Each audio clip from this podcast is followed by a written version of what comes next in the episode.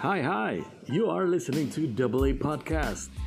It's about two dudes talking about their minds. And I gotta tell you, oh boy, their minds are adventurous.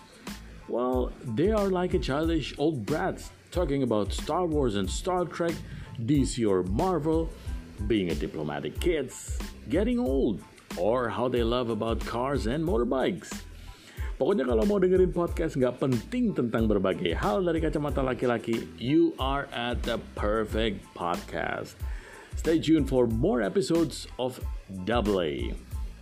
Barengan kita, Aryo and Arif.